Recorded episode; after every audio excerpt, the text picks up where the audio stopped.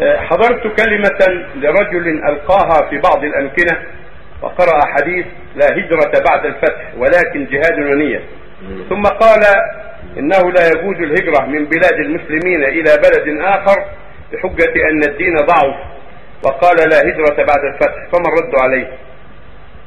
الهجرة هجرتان هجرة واجبة مفترضة وهجرة فيها خلاف هل تفترض أو تستحب.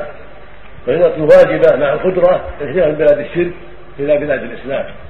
إذا لم يستطع إظهار دينه وبيان ما أوجب الله عليه من توحيد الله والإخلاص له والبراءة من الشرك وأهله وإظهار ما أوجب الله من الشعائر هذه واجبة.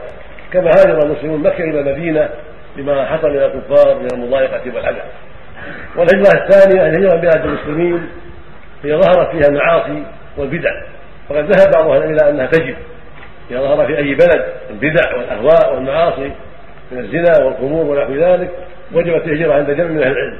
وقال اخرون لا تجب ولكن يجب على المؤمن أن ينكر المنكر حسب طاقته بيده ثم لسانه ثم قلبه كما جاء في الأحاديث ولا تجب الهجرة. ومن قال بوجوبها قال لأن المعنى بالهجرة الكبرى سلمه الدين.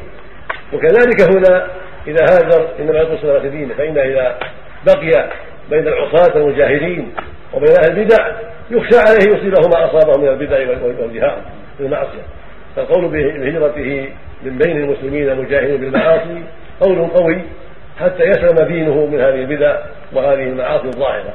ومن قال لا تجب قال إن النبي صلى الله عليه وسلم قال من رأى منكم منكرا فليغيره بيده ولم يقل فليهاجر قال فليغيره بيده.